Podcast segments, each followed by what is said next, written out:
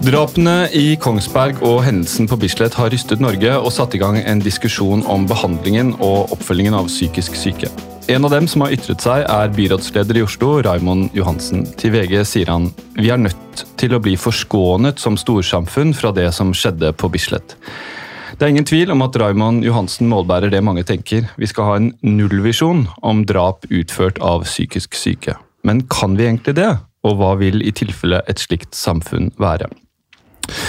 En av dem som har tatt til orde for at en slik nullvisjon er problematisk, er deg, Erlend Strand Garsjord. Du er overlege ved seksjon tidlig psykosebehandling Oslo universitetssykehus og spesialist i psykiatri. Du har også skrevet en ph.d. fra 2018 hvor du undersøker subjektiv livskvalitet hos de som har førstegangspsykose. Velkommen. Takk skal du ha. I en kronikk i NRK Ytring 18.10. så skriver du om drapene på Kongsberg. Vi har igjen en debatt om psykiatriens håndtering av mennesker med alvorlige psykiske lidelser og truende og bekymringsfull atferd over tid. Debatten er betimelig, men jeg skulle ønske at den i større grad tok inn over seg en ubehagelig sannhet. Å forutse og hindre slike hendelser er vanskelig, og kommer sannsynligvis med en betydelig kostnad. Hva mener du med det, Erlend? Jo, altså Det jeg mente med det, altså det vi, vi snakker om her, er jo alvorlige, sjeldne hendelser. Altså drap. Begått av eh, personer med alvorlig psykisk lidelse. Og Da må man jo først se på hva mener vi med sjelden hendelse. Altså det er, I Norge så er jo drap veldig sjelden generelt. Eh, det er ca. 30 drap eh, i Norge hvert år. og det, Hvis du ser på statistikken over det, i hvert fall over de siste 20 årene, så er det veldig stabilt, med unntak av ett år, 2011, hvor det var, eh, som alle vet, en del flere drap eh, knyttet til én en enkelt eh, hendelse på Utøya og i regjeringskvartalet. Men ellers det, ligger det stabilt rundt 30 drap i Norge. Og det er jo da to og et halvt i måneden ca. Eh, det, det, må man si at det er ganske sjeldent i en befolkning på fem millioner mennesker. Eh, og så er det cirka, kanskje da en 30% av disse, hvis vi tar i, eh, kanskje, mellom, kanskje litt færre også, som gjøres av mennesker med alvorlig psykisk lidelse, så kanskje, man kan estimere at en fem til ti drap i året gjøres av mennesker med alvorlige psykiske lidelser. Så det er det, er det vi eh, snakker om her. Og så er det jo sånn at da må vi se på, på måte, hvilken, hvor stor er den gruppen eh, som vi identifiserer til å være måte, i risiko for å eh, gjøre noe sånt. Eh, og Hvis vi ser på med antall mennesker med alvorlig psykisk lidelse på ethvert tidspunkt da, i Norge, eh, altså det vi kaller punktprevalens, så er det med schizofreni, som er den vanligste psykoselidelsen, så er det noen som har anslått den til å være ca. 16 000. Man kan tenke seg at den ligger et sted mellom 15 og 20 000, kanskje. Hvis vi utvider, på en måte som jeg tenker at er mer i tråd med moderne eh, diagnosetenkning da, til å mer snakke om psykoselidelser eh, som et mer dimensjonalt fenomen, så kan vi kanskje si 25 000 mennesker. Da. Så er det jo langt ifra alle. Altså Den store majoriteten av disse er jo ikke voldelige. Uh, og, men kanskje da, hvis vi ser på metaanalyser, altså, altså studier som har på en måte sammenholdt ulike tall da, fra flere studier, så kan vi kanskje si at en 10-20 da, er, uh, er på, på, et eller annet tidspunkt voldelige. Men bli, og voldelig er jo ikke det samme som å være å utføre drap. Men du sier at det er noen tusen, opptil 5000 mennesker da, som kanskje som vi er i den polen der. da. Og så skal du på ethvert tidspunkt plukke ut de få da, eh, som, gjør, eh, som skal begå et drap. Og de er ikke nødvendigvis voldelige hele tiden? På ingen måte. Og det er jo det, liksom, det kommer kanskje inn på det litt senere, at risikofaktorene for å utføre alvorlig vold, eh, de er jo ikke statiske. Altså, de er jo noe som kan forandre seg over tid hos et enkelt menneske. Eh, så, eh, og det å på en måte forutsi dette, det er en svært vanskelig øvelse, ikke sant. Og vi har ikke på en måte noen Vi er ikke det er, veldig, det er rett og slett vanskelig. ikke sant? Du har noen tusen mennesker, og så skal du peke ut den ene. Eh, og Derfor sier jeg dette med kostnad. når jeg sier det, er jo det at Hvis du skal for bruke tvang, da, eh, så vil du på en måte sannsynligvis måtte tvangsbehandle ganske mange for å hindre én slik alvorlig hendelse. Hvis det er det som er på en måte utfallsmålet ditt, som vi snakker om i forskning, da, ikke sant? å hindre drap f.eks. Ja, En studie som er utført i Norge, vel, sier vel at du må behandle kanskje opp mot da eller du må først og fremst diagnostisere eh, 2500 stykker, og så må du behandle dem eh, som om de hadde den lidelsen, etter gode metoder for å forhindre, for å forhindre et drap. Da. For å ta litt mer om dette med, med risikofaktorer. kjenner vi til, til noen sånn risikofaktorer for, for drap? Det gjør vi absolutt. Altså, og det, og vi kan jo begynne med den, altså de viktigste. Da. Det er jo tidligere, tidligere vold er jo vikt, sant, den viktigste risikofaktoren. og Det jo, illustrerer også et problem hvis dette Å komme i forkant. Det er jo noen gang, altså vi, det er jo ikke, kan, det er vanskelig å forutsi den første gangen, da, eh, hvis den viktigste risikofaktoren er tidligere vold. Eh, Og så er det da rusmisbruk som er særlig eh, viktig her. Da. Så er det jo også da eh, dette med hvis du har mange altså F.eks. har store psykososiale problemer, altså eh, mangler jobb, eh, boligproblemer, eh, lite sosialt nettverk, den type ting, er jo eh, det setter deg ofte i situasjoner eh, som på en måte kan være potensielt krenkende, eh, som også kan på en måte skape en økt risiko. Eh, ja. Så det er i hvert fall å nevne noen av de eh, viktigste risikofaktorene. Og så er det i tillegg da alvorlig psykisk lidelse er også en risikofaktor. Eh, det er det. Så, men det betyr ikke, det at det er en risikofaktor, betyr jo ikke at eh, majoriteten med alvorlig psykisk lidelse er voldelige. Det er langt ifra sånn. Nei, men noen vil kanskje tenke at hvis du legger sammen alle disse risikofaktorene, da, og registrerer alle sammen på et skjema, eller ikke sant? så vil du kunne forutsi ganske bra hvem om noen vil eh, begå et, en alvorlig voldshandling. Stemmer ikke det? Du vil, kunne, du vil nok kunne si noe om risikoen for at det skal eh, kunne skje, og hvis du på en måte vurderer at, risiko, altså at eh, voldsrisikoen er høy, da, så vil du nok kunne si noe om at det vil sannsynligvis skje et eller annet her i fremtiden. Eh, alvorlighetsgraden av den behandlingen, den er det vanskelig å si noe om. Eh, Men det at det vil skje noe i fremtiden, det kan man kanskje si da hos de hvor den risikoen er vurdert som høy. Men når det vil skje, det kan være vanskelig nettopp fordi at f.eks. dette med rusmisbruk da er noe som kan eh, i perioder ikke være til stede, og så kan man på en måte få et tilbakefall, og så eh, måte er risikoen plutselig veldig forhøyet. eh, fra- Nesten fra på en måte, det ene sekundet til det andre. Altså. Mm. Det er litt sånn stilisert, men likevel eh, ja. Men jeg tror at du, jeg tror at vi egentlig må ta et skritt tilbake. Du, er, du jobber jo med dette her. Mm. Og Andreas, du jobber for så vidt også som allmennlege, delvis med dette, men på et litt annet nivå. Men, eh, men eh, jeg tror vi må fortelle de som hører på, hva Hvis, hvis du skal gå inn for å, å forebygge et drap, da, eller forebygge en voldshendelse Det er jo et ansvar for så vidt psykiatere eller behandlere har. ikke sant? På alle sånne utskrivningsnotater så står det noe om voldsrisiko og sånt. Sånn at det er noe dere gjør hele tiden. Men kan du si noe om hvilke, liksom, hva dere faktisk må gjøre for å forebygge et, et drap? Som psykiatere. Hva, Ja, altså, hva, hva har dere i verktøykassa? Hva er spillereglene? Altså, vi har jo øh, Man kan jo si at vi, er, kan, vi har en del i verktøykassa dette med å kartlegge risikofaktor og si noe om det. Og så har vi jo, når vi snakker om tiltak, altså hva vi kan gjøre for å redusere det, så er det jo selvfølgelig Man kan jo eh, Jeg tror at det viktigste, hvis vi snakker om alvorlig psykisk lidelse og kanskje med komorbid rusmisbruk, er jo det å gi adekvat behandling. Rett og slett. Altså Det er det viktigste vi kan gjøre. Eh, og Så kan du selvfølgelig også eh, låse folk inne, altså, tva eh, altså tvangsbehandle dem. Det er jo en mulighet eh, du har. da.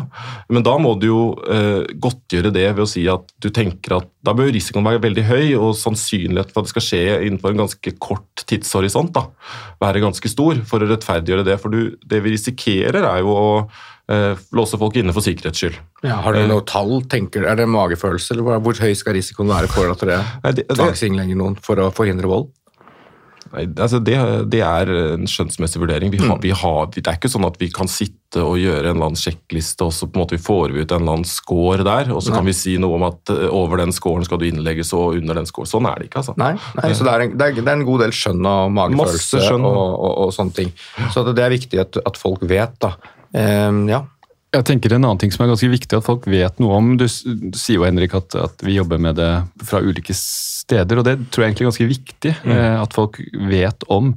I allmennmedisin altså Jeg jobber på, jeg jobber på et, eh, et legekontor i Oslo sentrum, og der, det er jo en typisk sånn bymedisin jeg jobber med. Mye rus og mye psykiatri. Men pasienter kommer jo til et allmennlegekontor først og fremst eh, med plager, eh, mm. ikke med diagnoser. Um, det er det vi kaller for en uselektert pasientgruppe. Er, de kommer med absolutt alt mulig. Mange av pasientene kjenner vi jo godt over tid, og der har vi jo kanskje en sånn helt egen mulighet til å kunne forutsi noe. Eh, men mange kjenner vi jo ikke, og, møter oss for først, og vi møter dem for første gang. Eh, de kan være i en livskrise. Ehm, de kan ha eh, tap av eh, bolig, tap av økonomi. Eh, de kan være i en konflikt med en nabo eller Nav eller hva det måtte være. Og kommer med en sånn type problemstilling, men det som spiller seg ut, er utagering. Da. Og vi har jo hatt alvorlige voldshendelser Antageligvis ville man kanskje kalt hvert en av dem for et drapsforsøk. Politiet har vært innom vårt kontor ofte. Um, sånn at det, det, skjer jo. ikke sant? Det skjer på legekontoret. Det skjer kanskje mer i legekontorer i en bykontekst, det, det vet jeg ikke. Men tilgangen til rus og, og, et sånt destabilisert miljø vil kanskje tilsi det. Uh, men poenget mitt er jo egentlig bare at hos oss er det helt ufiltrert. Eh, mens de pasientene som kommer til deg, Erlend, de er jo tross alt da selektert inn i en del av medisinen som vi kaller for psykiatrien. Og, og hva, hva, gjør det med vår evne til å, å forutsi? Nei, jeg tenker at Det gjør ganske mye. Da altså jo, da snakker man om at det er ulike utvalg. ikke sant? For deg som sitter der i en uselektert eller på en legevakt, så vil det jo være eh, du ofte da måtte gjøre en sånn type altså forut, altså Prøve å forutsi hva som skal skje, da, på en mye svakere grunnlag eh, enn det vi gjør hos meg, som kanskje hvor man har på en måte selektert en gruppe inn. og Hvis, hvis vi gjør det enda mer selektert, da, så kan du jo gå inn på en sikkerhetspsykiatrisk avdeling, da, eh, hvor man da selvfølgelig har en Det er jo en grunn til at folk er der, og det å på en måte kunne da si noe om fremtidig vold er selvfølgelig litt lettere eh, der. ikke sant? Så det, det, har mye å si, altså. Ja. Mm. Tilbake til noe du sa tidligere, Erlend. Altså, du sa at det, noe av det beste dere kan gjøre, er å gi adekvat eller god behandling mm. til disse. Det, at det for så vidt kan forebygge mm. vold. sant? Mm. Og det, det, det, virker jo logisk. Og Noen av de som argumenterer for dette, sier jo også det at det er blitt vanskeligere å gi god behandling i psykiatrien til en viss gruppe mennesker. Det kan vi, det kan vi komme tilbake til. Men jeg tenker vi må uh, tidlig i denne podkasten si noe om at i denne debatten så opplever iallfall jeg at ting, litt ulike mål blandes sammen. Altså eh, En ting er å gi god behandling, best mulig behandling, og ofte da på frivillig basis, og, men også kanskje med tvang, men, men, altså, der målet er bare det å gi eh, god psykosebehandling, f.eks., til noen som er psykotiske. Et, mål, et helt annet mål er egentlig det uttalte målet som noen i mediene har kommet med den siste tiden, om at man må bruke mer tvang som virkemiddel for å forebygge drap og alvorlige voldshendelser. Det er to litt forskjellige uh, målsetninger, da. Er du enig? Helt enig. og jeg tenker at uh, Hvis vi bare snakker om drap, uh, så tror jeg jo at det, nettopp det er såpass som jeg snakket opp innledningsvis, er såpass vanskelig å forutse og såpass sjeldent at der har nok ikke tvangsbruk Det vil nok sannsynligvis påvirke det i veldig liten grad. Mm. Uh, snakker vi mer om uh, Hvis vi snakker om sykelighet i befolkningen, og på en måte redusere sykelighet i befolkningen, og kanskje tilhørende mer plagsomme og mindre alvorlige utageringer, så kan og Det er jo det denne diskusjonen om samtykkekompetanse tenker jeg særlig handler om. ikke sant? Hvor mye sykelighet skal vi tåle i befolkningen på, på en måte for å hegne om pasientens autonomi eller selvbestemmelse. Da, ikke sant? Mm. Og, så jeg har jo syntes at det har vært litt underlig at hvis vi tar utgangspunkt i forhindring av drap, da, eller forebygging av drap, at den debatten har havnet, handlet så mye om samtykkekompetanse og 2017-endringen. Hva er, er samtykkekompetanse i den sammenhengen? Nei, altså Samtykkekompetanse er jo eh, pasientens eh, evne til å forstå og anerkjenne og resonnere rundt egen sykdom, sånn at de kan foreta et, måte et valg eh, knyttet til om de ønsker å ta imot behandlingen som tilbys eller ikke. Eh, at de vet hva de sier ja eller nei til, ja, og, de, og, konsekvensen av og det. Konsekvensen av det, og også måte hva, at de anerkjenner hva som har skjedd tidligere da, i deres egen historie, og hvilke valg som har måte kun, har ført til det, da, eller hvilke på en endringer i behandlingen for eksempel, som har ført til eh, ja, endringer i sykelighet hos dem selv, f.eks. Ja, det skal ganske mye til egentlig for å bli, at man, noen sier om deg at du ikke har samtykkekompetanse. Da skal du være ganske Du skal være ikke så veldig ja, god orientering. Jo, du kan jo absolutt være orientert uh, for uh, Men du kanskje ikke så godt orientert om din egen sykdom. Men, men, men, om, om, din sykdom og konsekvensen av det. Det kan du ikke. Det du ikke. Uh, men, og det er jo kanskje og det er fordi man også har lagt seg på en linje der hvor man skal være åpenbart ikke samtykkekompetent. da. Uh, men det er da sant, evnen til å forstå, og anerkjenne og resonnere og ta et, måte, et informert valg, da, uh, kan man si. Uh, og der, så er det mange som har syntes at dette er en veldig vanskelig vurdering, og det kan man vel si, men jeg er ikke så sikker på om det er så uendelig mye vanskeligere med f.eks. dette med å predikere vold. altså er, vi gjør mange vanskelige vurderinger, og samtykkekompetanse er en, en av de, tenker jeg. Mm. Men hva var 2017-endringen? Det er mange som snakker om det. og at og egentlig I helsevesenet generelt så snakker man om at det er blitt vanskeligere å, mm. å bruke tvang og, og, hjelpe folk gjennom det, opplever noen. Ja, og 2017-endringen er jo det at man innførte da samtykkekompetansekravet da, eh, mm. i eh, lovgivningen eh, hvis eh, man skal behandle på basis av det som heter be behandlingskriteriet. Eh, så det er et unntak hvis man vurderer at pasienten er til alvorlig fare for seg selv eller andres eh, liv eller helse. Mm. Så er ikke egentlig det viktig for å forhindre vold, da, på en måte? For hvis det er personer fare for andre, så kan du bruke tvang uten, ja. selv om personen har samtykkekompetanse? Ja, og så tror jeg at de som likevel trekker inn dette, tenker at ved at du eh, tillater at kanskje noe mer sykelighet i befolkningen, at du, det er pasienten som i noe større grad, når de har blitt bedre, får lov til å bestemme istedenfor at jeg da, eh, eller en annen eh, psykiater eller psykologspesialist eh, bestemmer hva slags behandling eh, de skal ha, eh, så tenker man at det kanskje fører til noe økt, at pasientene blir dårligere litt oftere oftere, og så må, derigjennom kan det være at de da også kan bli mer utagerende. ikke sant? Mm.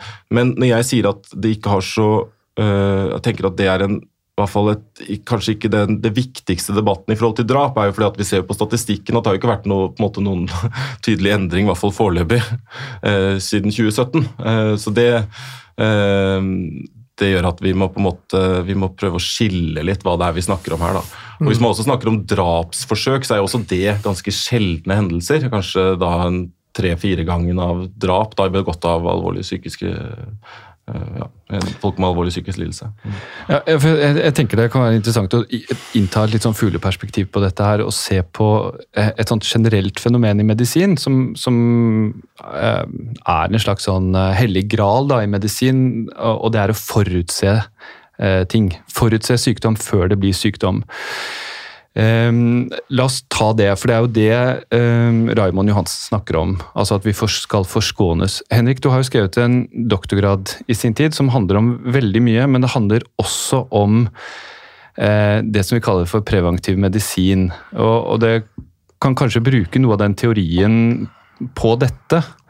Ja, um, ikke sant. Det, når man tenker, som vi snakket om i stad, så, så er det en forskjell på den målet om å bare gi god hjelp og, det å tenke at hvis man har god psykisk helse på befolkningsplan, så kan det forhindre en del vold. Det er forskjell på det og, eh, og å gå inn på den enkelte i den enkelte sak og forsøke å bruke tvang eh, for å forhindre vold. Ehm, sånn at hvis man skal forstå hvor vanskelig det er, eller hva som er utfordringene, så går det ganske an å sammenligne det med med, det, med forebyggende medisin, altså for, medisin som forsøker å forebygge sykdom eh, andre steder i medisinen, f.eks. en ting som blodtrykk. da. Ja, altså at vi blodtrykksbehandler mennesker med, med, for høyt blodtrykk for å forhindre slag og hjerteinfarkt og sånt. Eh, og da er det helt generelt to ting som er utfordringen med sånn type medisin. For det første så skal du, eh, så skal du finne noe ved det mennesket som gjør at du kan forutsi at det mennesket har en økt risiko eh, for å få et slag, f.eks. et hjerteinfarkt. Men ikke bare det, du kan ha så god spåkule du bare vil, men du, trenger også et verktøy for å for, for endre den prognosen, da. Altså en, for å faktisk endre at det skjer i fremtiden. Og i, i, når det gjelder blodtrykk, så er det blodtrykkstabletter og, blod, og livsstilsendringer og sånt. Eh, hvis du skal se på dette og altså bare overføre dette eller bruke det som, en, som et bilde på, på, det med å bruke tvang, så er det sånn at det er jo mange mennesker som man kan si har en viss økt risiko for å utføre vold. Altså man kommer over mange som man tenker har mer eller mindre økt At det, dette er en person som, som det, faren er større. Eh, og da har man jo noen verktøy som, som Erna snakket om for å, for å, for å prøve å, som en slags spåkule å se det i fremtiden og se hvor, hvor, hvor stor er risikoen her. Helt generelt i medisinen så, så tror jeg vi, vi må jeg tror mange som ikke skjønner hvor hvor vanskelig det er å, å spå inn i fremtiden og, og så se eh, og liksom og eh, vite ting inn i fremtiden. Vi har et kanskje sånt kulturelt et bilde av et sånt slags, eh, et slags mekanisk univers som kan forutsies. Men, det, men, dette handler i veldig stor grad om, som, altså, om, om komplekse systemer der mange forskjellige faktorer spiller inn. Og ikke minst da ting som menneskelige, sosiale sammenheng, som er super, super vanskelig å forutse. Mm. Sånn at egentlig så har vi ikke så Vi, vi kan snakke om økte risikoer, men, men, vi har gjerne ikke i noe i nærheten av å kunne si 100 liksom, at denne personen kommer til å, til å begå vold. Ja, hvis du tar eksempler fra hjerte-karme da, Forhindre ja, for slag. Ikke sant? Ikke sant? For du skal forhindre ett slag. Ja, ikke sant? Og da, hvis, det, er, det er akkurat sånn som med vold. Det er forskjell på om du har hatt et hjerteinfarkt før. Hvis en person har hatt hjerteinfarkt før, så er plutselig sannsynligheten for å få et nytt hjerteinfarkt mye, mye høyere. Og sånn er det med voldshendelser også, men mm. fortsatt så er det sånn at, at det, er ofte, det er ofte i størrelsesorden kanskje 1 av 50 da, som, får, som har hatt et hjerteinfarkt før, som, som får det i løpet av uh, i den størrelsesordenen, jeg husker ikke akkurat tallene nå, men, men liksom, som får det i løpet av fem eller ti år. Litt avhengig av hvem du er. og så skal du gjøre en behandling for å forsøke å ta ned den risikoen. Ingen behandlinger er perfekte, akkurat sånn som tvang ikke, absolutt ikke er perfekt. Det, det er vanskelig å sette hvite Det er klart Hvis personen sitter låst inn, så kan han ikke gjøre vold, men utøve vold. Men det er vanskelig å vite når du skal gjøre det, om du treffer på riktig tidspunkt osv. Så, og så, videre.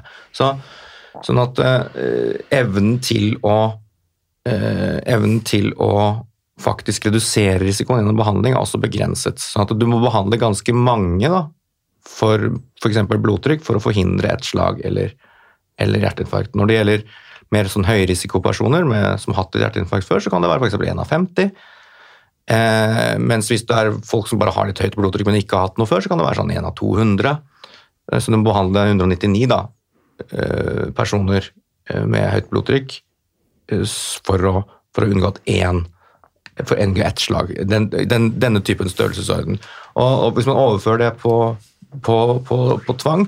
En, en, viktig etisk ting er jo at det som er nedturen med, det som er nedturen med å, eh, å, å betale, behandle med blodtrykk medisin, det er jo det er noen, litt, det er noen, kjipe bivirkninger og sånt, at du er liksom medikalisert eller du føler deg syk og sånn. Det kan være alvorlig nok, men, men, det er jo eh, mye mer alvorlig når det gjelder tvangsbehandling. Det, det er liksom den den frihetsinnskrenkningen er jo en stor greie, som også det man selvfølgelig ønsker å unngå i psykiatrien, som har, ligger bak disse lovendringene fra 2017 og sånn. Det hele tiden her, som du skrev Erlend i den kronikken din, er jo at det er to ting som står mot hverandre. Det er autonomien, det er friheten til, til mennesker. Egentlig versus tryggheten til samfunnet. Da. Det er disse to verdiene som, som står opp mot hverandre. Eh, så dette er bare for å si, si, si, litt om hvem Jeg kan si det med overdiagnostikk også. altså at Hvis du det, det, som heter overdiagnostikk i, i medisin, der snakker man om at man har identifisert en person som faktisk har økt risiko, f.eks. høyt blodtrykk. Det er sant at personen har økt, økt blodtrykk, eller, og for å overføre til, til, vold, så er det, det er sant at personen har en økt, økt uh, voldsrisiko, men du skal behandle ganske mange med en sånn økt voldsrisiko, eller, eller diagnostisere ganske mange med en sånn økt voldsrisiko, for å forhindre, for at, for, for å forhindre én, og det er fordi veldig mange av dem likevel ikke vil gjøre vold. Og de som du da tvangsdiagnostiserer som farlige, på en måte, men som aldri egentlig kom til å utøve noe vold, og det er ganske mange, største andelen, alltid, de vil være overdiagnostisert som måte, farlige mennesker. Da. Det er jo det man forsøker å unngå. Ja, og det, også, det, som adds to the problem her, er jo også det at uh, de som vurderes med lav risiko, også man ser at kan gjøre noe i framtiden. Uh, måte, Det illustrerer liksom denne nullvisjonsproblemet. Uh, at du selv, hvis du på en måte hadde låst inne veldig mange, da, så hadde du sannsynligvis ikke klart å nødvendigvis fange opp alle. Ja. Ikke sant? Det, det, som, det som slår meg her, er at vi ikke kommer unna at medisin til syvende og sist handler om verdivalg. og, og som vi har vært vært inne på flere ganger til nå. Det handler jo åpenbart om autonomi, altså selvbestemmelsesrett, versus samfunnets behov for en slags kontroll eller um, ja en uh, krav om beskyttelse, eller mange måter å, å, formulere dette på. Nå har vi hørt at du kanskje da må behandle 2500 pasienter med schizofreni Eh, med, med, eller mot deres vilje for å forhindre for å hindre et drap. Og det kan man jo stille seg spørsmålet om det er et samfunn vi, vi ønsker. Hva er magefølelsen din, Henrik, som eh, forsker på Senter for medisinsk etikk? Eh, altså, jeg det er, Dette har jo delvis med perspektivet du har å gjøre. altså, magefølelsen min og min sånn vanlige kanskje agenda er jo at man må, man må ikke glemme det, denne, den autonomibiten og, det, hvilket overgrep eller hvilken skadevirkninger de kan ha. Eh, så jeg heller vel litt i den retningen, jeg også. Men, men, det er jo For de som er pårørende og de som ble drept på Kongsberg, da, så er det jo for Når man ser ting fra det ståstedet, eller, bare, eller egentlig bare er en, en avisleser som, her, som leser avisen akkurat den dagen, så, så kan det jo virke uforståelig at, eh, at man ikke bruker mer tvang. Ja. Uh, og, og, og, litt på samme måte som legen som står i et mottak på sykehus og får inn enda et hjerteinfarkt, ikke kan forstå at vi ikke nærmest har kolesteroldempende medisiner i drikkevannet. Mm. Uh, det kommer litt an på hvilket perspektiv man ser ting fra.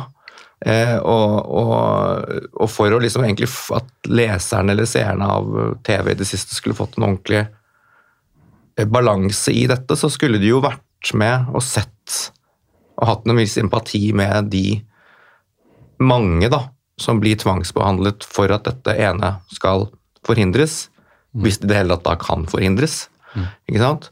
Eh, og, så at det, det er jo noe med det, at det, at det, kommer litt an på hvilket perspektiv man ser ting fra. Disse ulike aktørene som har uttalt seg, ser jo ting også litt fra ulike perspektiver. Mm. Ja, så er det jo, som vi litt var inne på i stad, at den, jeg, jeg, kan jo forstå at denne samtykkekompetansedebatten kommer opp, nettopp fordi at da Det er nok et øh, kanskje, altså Det kan jo hende at den økte sykeligheten, eh, som ikke nødvendigvis handler om drap, men at det er, en, det er, det er mange andre som kommer inn som påvirkes. da, eh, altså Særlig de pårørende. da, eh, og, som, og også at det setter jo ressursene eh, til helsevesenet. Eh, hvis det fører til en økt sykelighet i befolkningen, det at vi har innført det kravet, eh, setter jo ressursene til det psykiske helsevernet mer på strekk. da. og det og det kanskje et av problemene med den endringen var kanskje at det ble innført med en forventning om at det skulle bli mindre tvang. Eh, og så ser man kanskje ikke det, men det kanskje var mer en, eh, hva skal man si, en innfrielse av noen viktige menneskerettighetsprinsipper for eh, pasientene, og hvor man satte da pasientens selvbestemmelse høyere enn f.eks. hensyn til pårørende en del ganger, og også for så vidt hensynet til pasientens helse en del ganger. Men det er jo et generelt prinsipp i helseretten, da, hvor man har valgt den linjen. og nå har harmonerer liksom det lovverket innenfor psykisk helsevernloven mer med det øvrige lovverket, kan man si. Da. Eh, men, men, jeg tenker at den debatten er det for så vidt greit at vi tar, bare at vi ikke på en måte blander den sammen med eh, at vi tror at det for Det jeg er redd for, da, hvis, vi, måte, at, hvis man, revers, at man signaliserer til politikerne eller til befolkningen generelt da, at ja, bare vi reverserer den lovendringen i 2017, så er, liksom, så er vi kvitt måte, denne utfordringen med drap uh, begått av psykisk syke. Mm. Og Det tror jeg er en, det er en grov forenkling. Ikke sant? Ja, Det er feil. Det er feil, på en måte. Så mm. må, Vi må ikke tro at det er det det handler om. ikke sant? Mm. Eh, men vi kan absolutt ta den debatten på eh, å se på de tallene for som politiet. Det er jo interessant dette med politiet, at de beskriver økt psykiatrioppdrag. Når jeg har sagt at det var en hypotese, det er fordi at jeg også altså, Sånne type ting kan, må man bare se nærmere på før man konkluderer. har politiet sagt noe at det er Ja, det var flere ja. oppdrag mm. i, 2020, altså i den fireårsperioden fra 2016 til 20, 40% økning eller et eller annet sånt da, til 2020. Så kan jo det være eh, grunnet den eh, eh, lovendringen. Mm. Eller så kan det være rett og slett endret eh, registreringspraksis hos politiet. Altså, jeg, jeg, sier ikke at det er det, men jeg bare tenker at vi må, vi må se på disse tingene eh, før vi konkluderer. ikke sant? Og, så Det er eh, derfor man må på en måte passe på å ikke gjøre veldig sånne forhastede konklusjoner i, sånne kjølvannet av sånne type veldig urovekkende og triste hendelser eh, som dette. Da. da må man heller gå inn og se på dette. Det kan se ut sånn fra mitt perspektiv, fra, nok, eh, fra allmennlegeperspektivet. Vi gjør jo mye hjemmebesøk, eh, mm. legevakt osv. Eller hjemmebesøk til egne pasienter. Og av og til lever pasienter i veldig rett og slett kummerlige forhold. og er, Jeg tenker at det er høy risiko eh, for eh, fare, ikke bare for dem selv, men for bygården de er i. Det kan være hygienespørsmål, det kan, eh, de kan eh, Branntilløp. Brann, branntilløp osv. Altså, du har en brannvernlov som du kan sikre, sikre her, men du har jo egentlig ikke noen lov som eh, gjør at du kan tvangsflytte pasienter med mindre de har en psykiatrisk lidelse og ikke er samtykkekompetente. Mm. Så at, For meg virker det som på en måte jussen har fulgt en slags sånn eh, grunnlagsfilosofi da, i, i, vårt samfunn om at eh, autonomi eh, Altså selvbestemmelsesretten for den enkelte har trumf egentlig etisk og da også juridisk.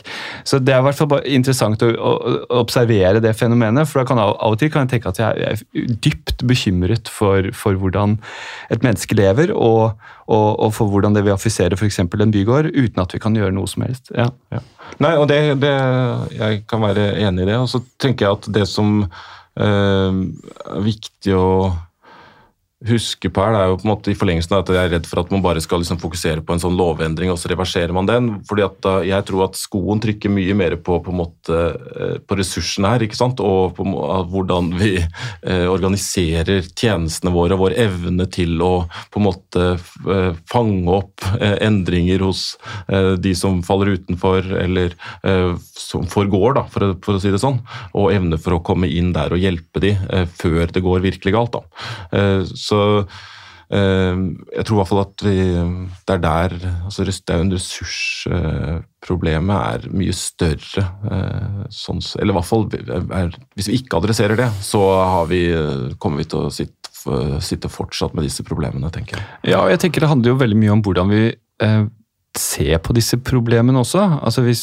som vi snakket om før sendingen, hvis du ser på det Hvis du blir veldig opptatt av psykose, da, f.eks. Mm. som fenomen, så ut fra et diagnostisk kriterium, så er det så vil de få en eller annen behandling eller oppfølging innenfor rammen av det diagnostiske systemet. Hvis du heller hadde utvidet til å snakke om funksjonstap, mm. så ville du kanskje fått en helt annen type behandling, og kanskje vil jeg tenke av og til en bedre behandling.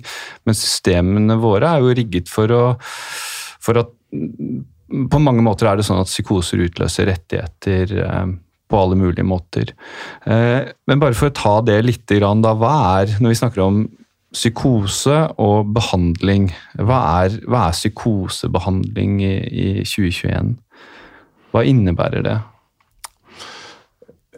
Ja, nei, altså Det er jo et spørsmål med et langt svar, da. Mm. Men man kan si at eh, tradisjonelt sett så har jo eh, hjørnesteinen i eh, psykosebehandling vært antipsykotika. altså da, siden, i hvert fall siden ja, 50-60-tallet, så har det på en måte Vi så jo en stor endring i, eh, i prognosen for en del psykoselidelse ved innføringen av antipsykotika på, ja, for 60-70 år siden.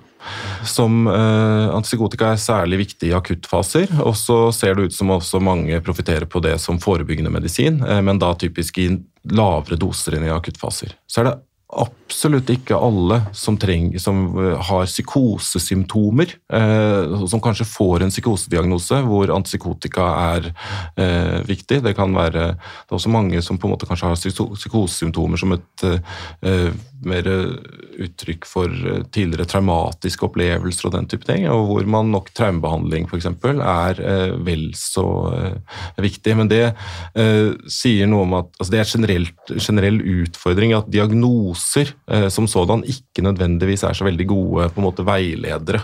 Eh, du må på en måte se, se pasientens historie og den konteksten som symptomene har oppstått i hos enkeltindividet for å guide behandling.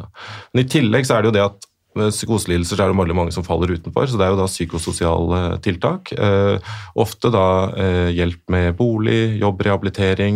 Det kan være aktivitetstiltak. Eh, da typ eh, komme i gang med fysisk aktivitet. Eh, det finnes også en del sånne mer sånne spesifikke rehabiliteringstiltak knyttet til kognitiv trening. Eh, altså jobbe med måte mer å øve seg på og kanskje øve seg på å med ADL-funksjoner, altså hvordan, Activities of Daily Living. da, ja. og så er det familiearbeid, og hvordan familiene forholder seg eh, til eh, det å ha en eh, person med en psykoselidelse i familien eh, ofte viktig, og kanskje noe som vi tilbys i litt for liten grad. da.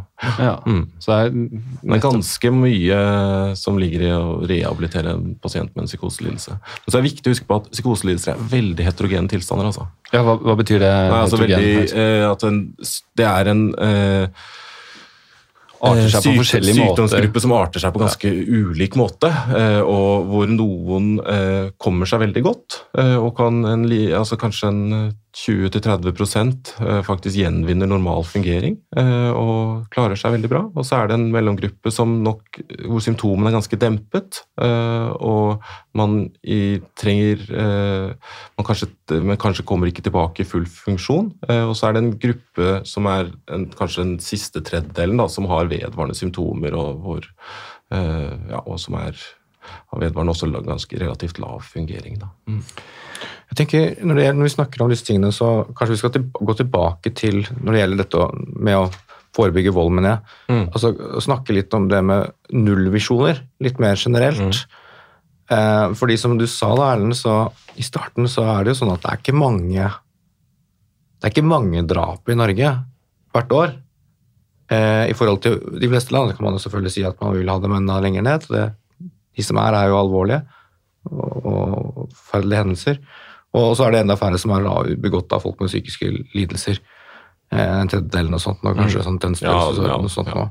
Så det, så det utgangspunktet, da, så er det jo ikke sånn at vi lever i et land med, med veldig mye drap. Eh, og, og nullvisjonstankegang er i utgangspunktet litt farlig. Altså, man skal jo selvfølgelig se på om man kunne gjort noe annerledes og om man kan få det, få det ned, men, men tanken om at man skal ha null av noe, er, er litt farlig. Altså, et, et, et, øh, I økonomien da, så har man et, et, begrep som heter the law of diminishing returns. Altså Det betyr at loven om at man får mindre og mindre ut av et tiltak. Og sånn vil det være for tvang også. Altså, altså hvis, man har, hvis man har en Eh, har en organisasjon da, i økonomien som, som, man, som, man, som er ineffektiv, eller, eller sånt, så kan man gjøre et eller annet tiltak og få veldig mye ut av det i begynnelsen. Lite av et tiltak gir kjempestor gevinst. Eh, mens hvis du da perfeksjonerer og perfeksjonerer mer, så, mer på det, så, så, vil det du får igjen for den, den samme typen innsats, bli mindre og mindre etter hvert. Sånn at Eh, hvis vi hadde hatt et, en, en, psykiatri helt uten tvangsbehandling, f.eks., kunne man sett for seg at det var flere drap, og at det å sette inn mer tvangsbehandling ville være et ganske effektivt tiltak i begynnelsen. Vi har jo allerede en del tvangsbruk, ikke sant? Eh, og, og, og, når det da er såpass få drap som skal forebygges, så må du, da må du inn med en voldsom mengde tvang mm. for å få det tallet litt ned. Og, eh, og, eh, og, man får relativt lite ut. Altså diminishing returns for mm. mer tvang. Da. Eh, det er også et sånt prinsipp fra, fra fra forebyggende medisin mer generelt, at det er vanskelig, vanskelig å få ut mer av skvisende sitron mer når det allerede er ganske bra, egentlig. Ja, og Det er jo uh, ca. 5000 mennesker da, i Norge som eh, innlegges, innlegges på tvang. Uh, 8000 innleggelser. da, og Det er jo fordi at det er noen som innlegges flere ganger. Men, så det er jo ikke, en, ja, ikke et ubetydelig tall, det, tenker jeg. Mange, det, mange av dem er det som legges inn fordi de eller på tvang fordi de er voldelige? Nei, og det tror jeg ikke nødvendigvis det finnes så gode tall på. Eh, og, men hvis det gjør det, så må man kanskje høre med tvangsforsk i Tromsø eller noe sånt. Men jeg, jeg, jeg har savnet de tallene. Eh, ja, men eh, det, så, det, tror jeg ikke det jeg, kan jeg ikke svare på. Mm. Litt tilbake til, eh, til, denne forebyggende medisinen og nullvisjonen der. En sånn vanlig tanke er jo at hvis vi bare får flere variabler, altså bare kan måle mer og mer ting Måle ulike ting, måle ved, et ulike ting ved et menneske, mm. så vil um, vår evne til å kunne forutsi hvem som får sykdom eller ikke, styrkes. Men uh, det er vel ikke helt sånn det er i virkeligheten? Nei, nei faktisk ikke. Altså uh, Sånn kan man tenke i, i, tvangssammenheng også, at hvis man registrerer ulike faktorer ved et menneske, så, så vil man til slutt få en regnestykke som er så presist at man kan vite akkurat at du vil komme til å utøve vold innenfor en måned, liksom. Mm. Det kunne vært drømmen, men, men, men, for det første så er det sånn rent statistisk sånn at hvis du, hvis du inkluderer, hvis du måler flere ting, så får du mer av det som heter støy. Altså du får du får masse data eh, som, og masse, masse, tall inn i, inn i, inn i liksom, eh, regnestykket ditt som gjør at du, at, at, at, den, at du egentlig ikke Inntil et visst punkt så er det lurt å inkludere flere tall og måle flere ting, men når, så går det over en terskel, og så det faktisk, gjør det faktisk regnestykket verre. Eh, sånn at det er ikke det er ikke egentlig sant at, at jo mer man måler, jo bedre. Men men mer grunnleggende så er det sånn at, at ver, verdensrommet, hadde jeg nær sagt, menneskekroppen, livene våre, er, er uforutsigbare. Det, det, går ikke an å forutsi. Og det, om det er noe sånt som ligger dypt i, i universet, liksom, det vet jo ikke fysikerne helt, men det er i hvert fall, det er i hvert fall ikke mulig å, å forutse alt som skjer. Og det, det, er mer en sånn ting vi kanskje må venne oss til som kultur. Ja, og så er det, ikke sant? Jeg tror vi har, sånn vi snakker om vold, da, så har vi etter hvert relativt god oversikt over risikofaktorene. Det vi ikke har på en måte undersøkt så mye, er jo eh, tiltak, ikke sant? og hvor eh, altså randomiserte, kontrollerte studier, da, som er sånn gullstandarden for et tiltak for å redusere f.eks. den eh, volden. Da. Og så kan man si at Adekvat behandling det vet vi at eh, det bør man ha, på en måte, men nå er det noen tiltak utover det. da. Eh, F.eks. det å tvangs, tvangsbehandle folk. da. Eh, er det et bedre tiltak enn å eh, ikke gjøre det, f.eks.? Disse, og det er kanskje litt vanskelig å gjennomføre i en randomisert, kontrollert studie, men likevel, altså vi, det er eh, vi er gode på å vite hva som er risikofaktorene, men vi er ikke så veldig gode på å vite hva vi kan gjøre med det nødvendigvis. da. Ja, og det, Sånn vil det være ja. egentlig mm. i veldig mange deler av medisinen. Mm. Eh, at man, man, kan, om ikke så veldig sterkt forutsi, eller godt forutsi liksom hva, hva som vil skje, men, men det, det, å faktisk få folk til å endre livsstil, f.eks. Man kan forutse hvem som hvem som altså, har høyere risiko for å få hjerteinfarkt, men å få dem til å endre livsstil, mm. det er supervanskelig, så da sitter man der. Jeg kan si liksom fra klinikken, da, sånn som allmennlege, at det, det, gir jo veldig mening, eh, den teorien du kommer med, samtidig som man av og til kan altså I øyeblikket kan man jo være noe. Altså, ja, da, da, mener jeg ikke gjennom skjemaer eller noe sånt, men har en intuisjon på at her er det et eller annet. Vi, vi trener jo en del på det på allmennlegekontoret. Vi har mm. egne sånne Eh, fagutvikling og HMS-timer eh, per år, hvor vi snakker om, om det. Eh, truende pasienter og hvordan vi liksom oppfører oss. Og da, da er jo f.eks. helsesekretærene våre ganske godt trent. Da. Altså, de er til å se at her er det en som er fremstår eh, truende, eller det er et eller annet. Man værer noe. Det er ikke mm. alltid helt enkelt å sette fingeren på hva det er. Men de ringer inn til oss, og så ringer vi til kollegaene og sier at nå er, nå er det en sånn og mm. sånn situasjon, så nå må vi, nå må vi tenke eh, annerledes om det. Men det er jo et øyeblikksbilde, eh, og det er jo det som er poenget. Så det Ja, som er vanskelig, det er er, på en måte det er her og nå. Det, det er her og nå. Det er mye lettere enn det som er langt vanskeligere, er å si hvordan går, denne, går det med denne pasienten når den har gått ut av kontoret. Ja, Der må vil- jeg jo si av og til at uh, der sitter vi jo med et visst uh, ubehag, og det er usikkerhet og tvil. Det tror jeg alle klinikere sitter med. Men igjen så er det vektingen opp mot pa- uh, pasientens autonomi, og på en måte den erkjennelsen i hvert fall jeg har om at det er fryktelig vanskelig å forutsi. Ja, og kanskje at hvis du hadde agert på den usikkerheten hver gang, da, så måtte du agert ganske mange ganger før du hindret den alvorlige hendelsen du er eh, redd for at skal skje. Fordi du har nok hatt den Jeg jobber jo på psykiatrisk legevakt også, ikke sant? og gjort mange, møtt mange pasienter der ikke sant? Hvor, jeg, hvor jeg må bli sittende igjen med det sånn, ja, men hva, med den usikkerheten som du beskriver. Eh, Og hvis jeg skulle agert på den hver gang da, så og så vet jeg jo for så vidt i etterkant at jeg får jo stort sett høre om det hvis det skjer noe alvorlig, og det er veldig sjelden. Eh, og, eh, Du, så- du kan få høre hvis du ikke har gjort noe. Ja, Da kan du få høre noe. Men, men, men omvendt, det er et interessant Ja, spørsmål, syns jeg. Er det noen ganger du kan Er det, er, det, er det, noen, er det noen eksempler at du, du, du tenker i ettertid at den, den tvangsinnleggelsen der, der forha- forhindret jeg nok et drap eller en alvorlig voldsledelse? Har, har, har du opplevd det noen gang? Som, som det, det, er det skriver jeg jo litt om i den kronikken, og det er vanskelig å vite hva, måle det som ikke skjer. Ikke Nei, sant? det er det er helt, umulig å vite, helt. Mm. umulig. Ikke sant? Så det, og det, jeg, tror, jeg, jeg tror, men jeg tror jo absolutt at og det er jo apropos det du sa i stad, at absolutt at en del av den tvangsbruken vi har i dag, hindrer en del alvorlige hendelser. Det tror jeg absolutt. Ja. Ja. Men at, om de, de, jeg har helt sikkert eh, både undervurdert og overvurdert eh, risiko i, i sånne type situasjoner. Ja. Ja, skal vi eh, Avslutte? avslutte? Er det noen take home message her, da? Altså, dette handler jo overordnet om to verdier. Det handler om friheten til mennesker, autonomien til mennesker, og et behov for trygghet i samfunnet. Og jeg vil vel si at, eh, at når det kommer sånne hendelser som det har vært nå, eh, med drap, så, så er det en tid også litt for å verne om den autonomien.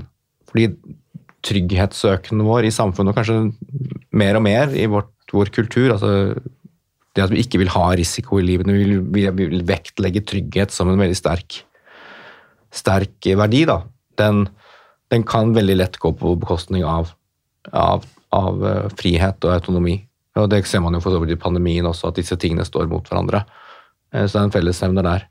Eh, Det er en take home message.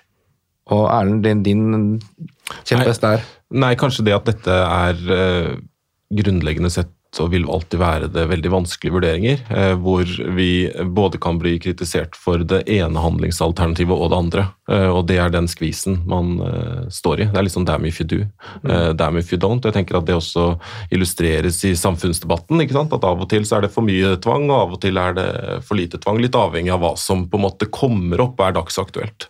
Og så, jeg tror ikke Vi må prøve det er jo Nå er liksom det riktig bruk av tvang, det, og det er bra at vi eh, jobber mot det, men jeg tror ikke vi kan Jeg tror ikke dette Vi finner liksom ikke allerede, vi aldri den helt sånn perfekte løsningen her, altså. Eh, det vil alltid være en verdivurdering, egentlig. Ja, vanskelig liksom å finne liksom den, der, eh, den helt perfekte balansen her. Og så håper vi kanskje vi har sagt tydelig fra til en del makthavere og journalister og folk som er, inn, er inne i dette, at, eh, eller skriver og befatter seg med dette, at eh, det er en, det er en illusjon at, at du kan predikere og eller altså da forutsi alle disse hendelsene og forhindre dem alle sammen. Mm. Det, vil, det, vil, det vil liksom fordre at man låser inn store ja, deler av befolkningen det- befolkningen det hele tiden. Og en massiv kontroll, og på en måte, og så er det, vi må på en måte bare erkjenne at disse risikofaktorene varierer over tid, altså hos enkeltindividet. Ja. Og sånn er livet, på en måte, eh, for folk. ikke sant? Ting skjer som på en måte kan sette oss i mer sårbare situasjoner, og også gjøre oss mer sårbare for å utøve vold. da. Mm. Og det klarer vi ikke helt å ha kontroll over, altså. Selv om vi prøver.